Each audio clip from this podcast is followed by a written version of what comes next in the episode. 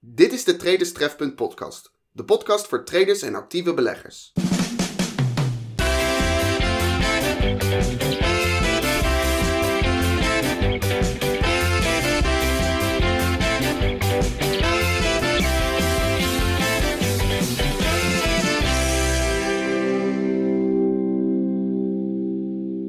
Hey hallo, Marcel van Vliet hier. Leuk dat je luistert naar alweer de tweede aflevering van de Traders Trefpunt podcast.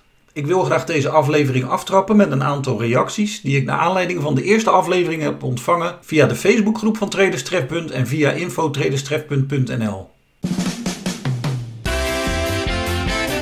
De eerste reactie die ik op deze podcast kreeg was van Peter uit Hoofddorp. Peter schrijft in de Facebookgroep van de Inner Circle van Traders Trefpunt. Superleuk gedaan. Met een hartje ervoor. Ik heb het altijd een beetje vreemd gevonden dat Facebook het geweldig aangeeft met een hartje. maar ik ben ervan overtuigd dat Peter geen bijbedoelingen heeft.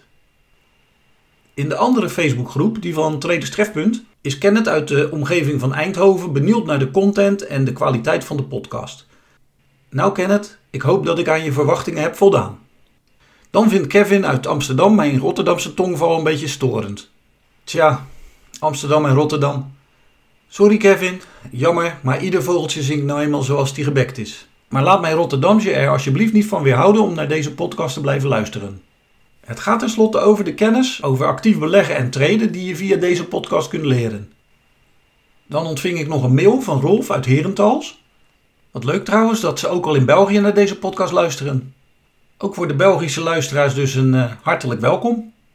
Rolf die vraagt of ik uh, iets dieper kan ingaan op de M van management, van het 3M management model. Nou, dat, uh, dat kan Rolf. Ik ga mijn best doen om de volgende aflevering te wijden aan alle managementaspecten rondom het traden en actief beleggen. Ik denk dat ik er wel het een en ander over kan vertellen. Ik heb tenslotte niet voor niets een graad in management en 25 jaar lang praktijkervaring als manager. Maar in ieder geval bedankt allemaal voor jullie positieve reacties. En uh, nou, als je iets kwijt wilt, je weet intussen het e-mailadres info.traderstrefpunt.nl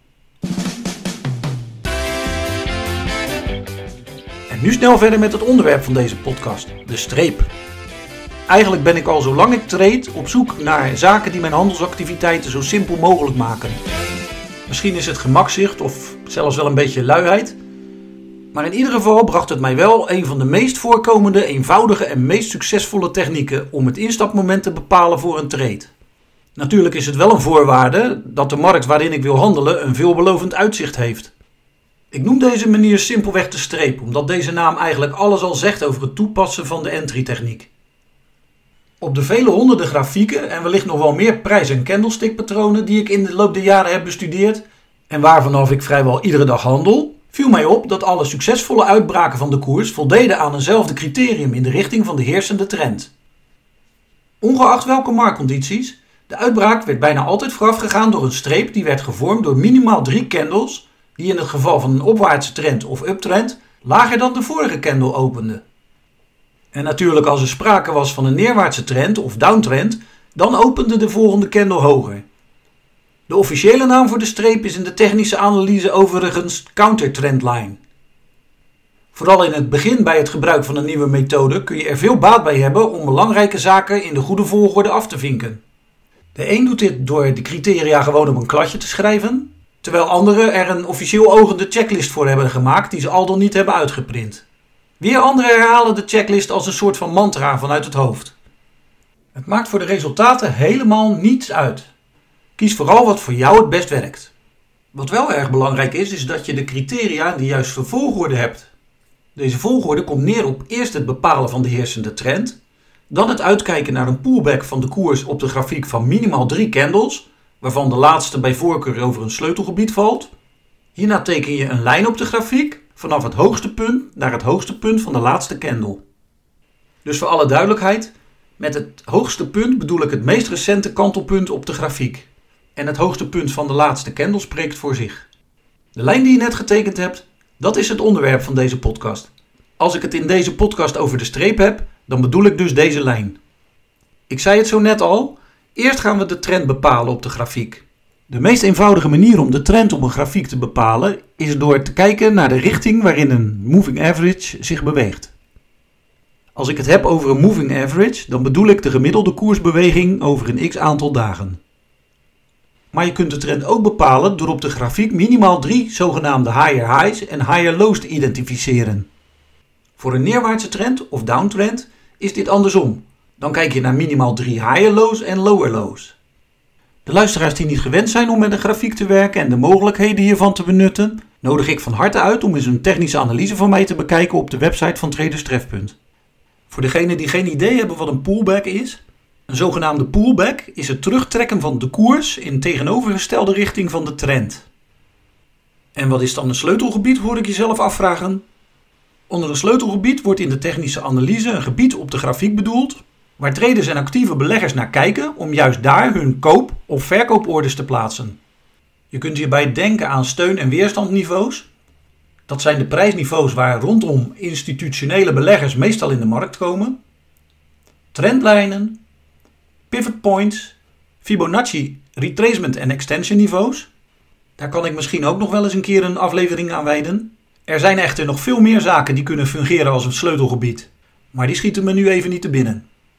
Het instapmoment volgt zodra een candle boven een streep sluit. Maar liever nog zie ik een aantal candles later een test van de streep met een zogenaamde last kiss, waarbij de koers in de goede richting afscheid neemt van de streep.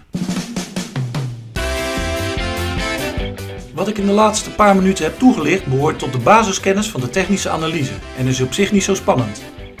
Maar het frappante is dat ik de streep pas na vele jaren als trader en actief belegger voor het eerst opmerkte als onderdeel van een prijspatroon. En niet zomaar een prijspatroon. Het was de bovenste lijn van het bekende en door traders veel gebruikte bullish flag prijspatroon. Dit is het meest favoriete en het best presterende prijspatroon uit de range van de Amerikaan Thomas Bulkowski.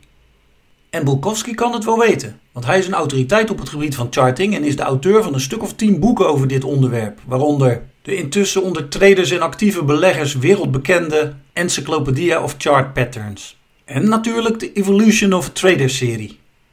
Daarnaast is Bukowski de beheerder van een in charting gespecialiseerde website thepatternSite.com, waar een berg van informatie en kennis op je ligt te wachten. En natuurlijk, Hollands als we zijn, helemaal gratis. Ik zal voor de geïnteresseerden een link naar de website van Bukowski in de show notes van deze aflevering plaatsen. Nadat ik de streep voor het eerst had geïdentificeerd, zag ik hem overal. Het was net als je bijvoorbeeld een rode auto hebt gekocht je deze ineens overal ziet rijden. Vrijwel alle bekende en veelgebruikte prijspatronen bevatten een streep die voldoet aan de drie gestelde criteria. Maar de streep is ook zichtbaar naar veel candlestickpatronen, vooral die bestaan uit meerdere candles, zoals bijvoorbeeld het 3 White Soldiers en het 3 Black Crows candlestickpatroon. Toen ik de streep daarna ook nog eens tegenkwam binnen een trendkanaal en binnen een trading range, was het voor mij wel duidelijk. Ik kon hier wel eens mijn persoonlijke edge op het gebied van trading gevonden hebben, en het eerstvolgende weekend heb ik volledig besteed aan het backtesten van de theorie van de streep op zoveel mogelijk grafieken en zoveel mogelijk beleggingsinstrumenten. De resultaten op papier waren verbluffend. Ik noteerde een winrate van bijna 80%. Maar mijn enthousiasme werd wel een beetje getemperd door de risk-to-reward ratio, ofwel de risico-rendementverhouding. Deze noteerde slechts een resultaat van 1 staat tot 1. De winrate voor een risk-to-reward ratio van 1 staat tot 3 en zelfs hoger was echter 48%. Een risico-rendementverhouding waarvan ik denk dat veel trendfollowers daar graag voor zouden tekenen. Ik kan me best voorstellen dat als je voor het eerst hoort over een win rate en over een risk-to-reward ratio, dat het lijkt of je luistert naar een cursus oud-Latijnse algebra. Een korte toelichting is hier dan ook wel op zijn plaats. De win rate is het meest eenvoudig. Hiermee wordt het percentage trades bedoeld die met winst zijn afgesloten. Dus als je bijvoorbeeld van de 100 trades er 60 met winst sluit, dan is je winrate 60%. De risk-to-reward ratio staat voor de verhouding van het risico in euro's of procenten dat je bereid bent voor een trade te nemen en het rendement dat je daarvoor verwacht. Stel je koopt, leuk voor de Belgische luisteraars, 10 aandelen van het Belgische Warehouses de Pauw, beter bekend onder het tickersymbool WDP, dat precies 30 euro noteert. Het risico dat je voor deze trade bereid bent te nemen en eventueel dus aan geld te verliezen is 10%. Als ik de commissie voor de aandelen en de kosten voor het gemak even niet meereken, dan is het rekensommetje als volgt. 10 aandelen voor 30 euro per stuk kosten mij 300 euro. Het risico van 10% komt in dit geval op 30 euro in geld. Deze 30 euro worden vanaf nu met een lekkere rollende Rotterdamse R, sorry Kevin uit Amsterdam, 1 R genoemd, naar de R van risico. Wanneer er dus sprake is van een risk-to-reward ratio van 1 staat tot 5, dan betekent dit dat je de trade met een winst van 5 keer 30 euro, dus 150 euro, hebt afgesloten. Omdat er tenslotte ook nog geld verdiend moet worden op de financiële markten, zal ik met deze podcast niet te veel van je kostbare tijd opslokken. Daarom wilde ik er na dit enige en laatste onderwerp maar een eind aan gaan breien. Vooral de luisteraars die nog niet zo bekend zijn met de technische analyse, die hebben denk ik wel genoeg om over na te denken. We hebben het deze podcast voornamelijk gehad over de streep. De streep is een goede manier om na een pullback van de koers je instapmoment te bepalen. Dat hebben de backtests ruimschoots bewezen. Tot slot heb ik nog een nieltje voor je. Er wordt uh, hard gewerkt aan een nieuwe serie online cursussen die in de loop van dit jaar op de website van Traders Trefpunt zullen verschijnen. Neem eens een kijkje als je zin hebt. Intussen is deze podcast via alle gangbare kanalen te beluisteren. Je kan mijn motivatie om door te gaan versterken door mij 5 sterren te geven of zelfs een review van een paar woordjes te schrijven als je via iTunes luistert. Of door deze podcast te volgen als je luistert via Spotify of Google Podcast. Ik ben erg benieuwd naar jullie reacties en ik kan best wel wat hebben. Dus aarzel niet als je vragen of opmerkingen hebt en stuur een mailtje naar info@traderstrefpunt.nl of stel je vraag via de Facebookgroep van Traders Trefpunt. Dit was het voor nu. Groet uit Rotje Knor en graag tot een volgende keer.